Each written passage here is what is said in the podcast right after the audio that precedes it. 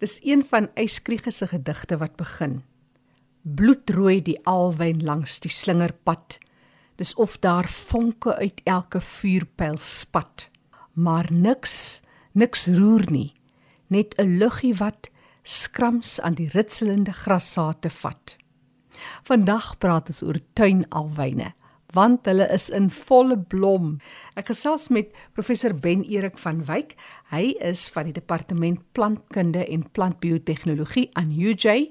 Vertel ons eers net so kortliks oor die gebruike en die verspreiding van alwyne in Suid-Afrika en wêreldwyd. Ja, dit is nou 'n goeie tyd om oor alwyne te praat want die wintermaande is die hoofblomtyd van die alwyne.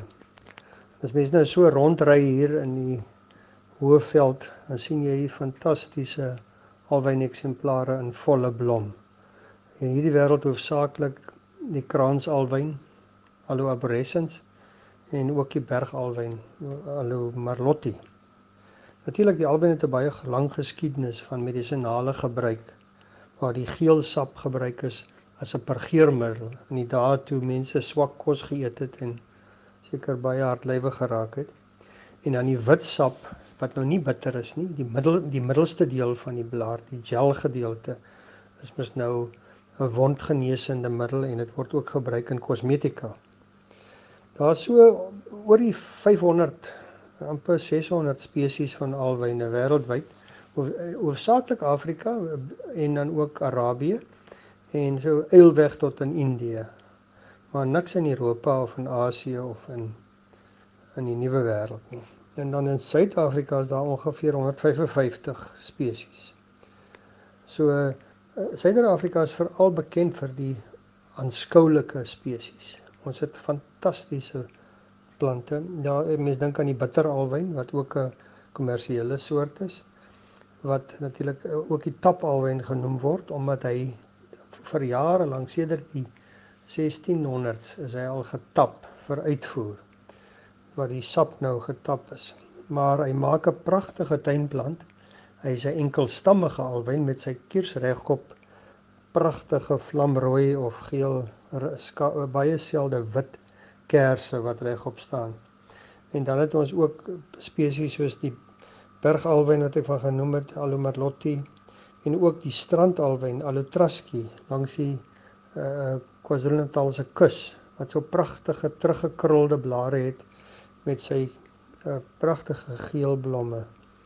So die alwyne is werklik deesdae 'n sieraad in enige tuin.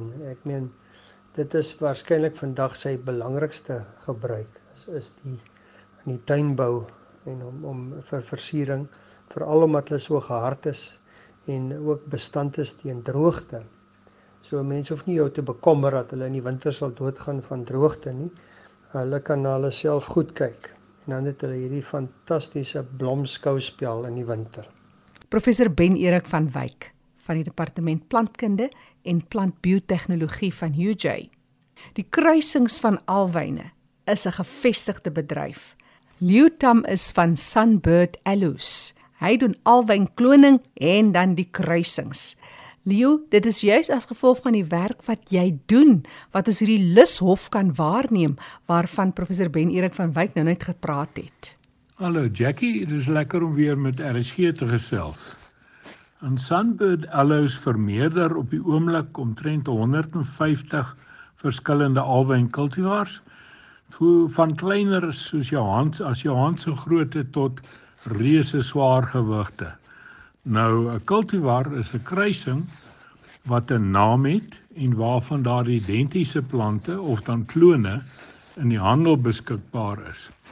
Waar verskillende alwynsoorte of dan spesies in die natuur saamblom, is daar 'n goeie moontlikheid dat kruisings spontaan gebeur. Nie al die alwynkruisings wat in die natuur voorkom is baie aanskoulik nie. Dit is maar net omdat die natuur nie die sterkste plante met die meeste blomme uitkies om ouer plante te wees nie. Sunbird Aloes alwyn cultivars verteenwoordig die beste klone van 150 kruisings wat die beste kombinasies van ongeveer 13000 kruising kombinasies is. Dit is hoe 'n kultivar met die naam Moonlow byvoorbeeld 3 maal soveel blomme produseer as albei die ouer plante tesaam. Dit is 'n fantastiese rekord. Wat is die voordele van die sulke kruisings en dan die verskeidenheid van kleure byvoorbeeld op die kers? Ek kan aan 'n hele paar voordele van kruisings bo suiwer alwyne of suiwer alwyn spesies dink om 'n paar te noem nommer 1 'n kruising kan die beste kenmerke van albei ouer plante na vore bring. Nommer Net so kan 'n kruising die ongewenste eienskappe van die ouer plante wegsteek. Dan nommer 3, kruising het meer blomme en 'n langer blomperiode as suiwer spesies. En nommer 4, kruisings groei en blom gewoonlik vinniger as suiwer alwyne. Daar is natuurlik baie kleure beskikbaar: wit, pink, geel, oranje en rooi en allerlei kombinasies van hierdie kleure soos byvoorbeeld rooi en wit saam op dieselfde kers wat 'n baie aanskoulike plant gee.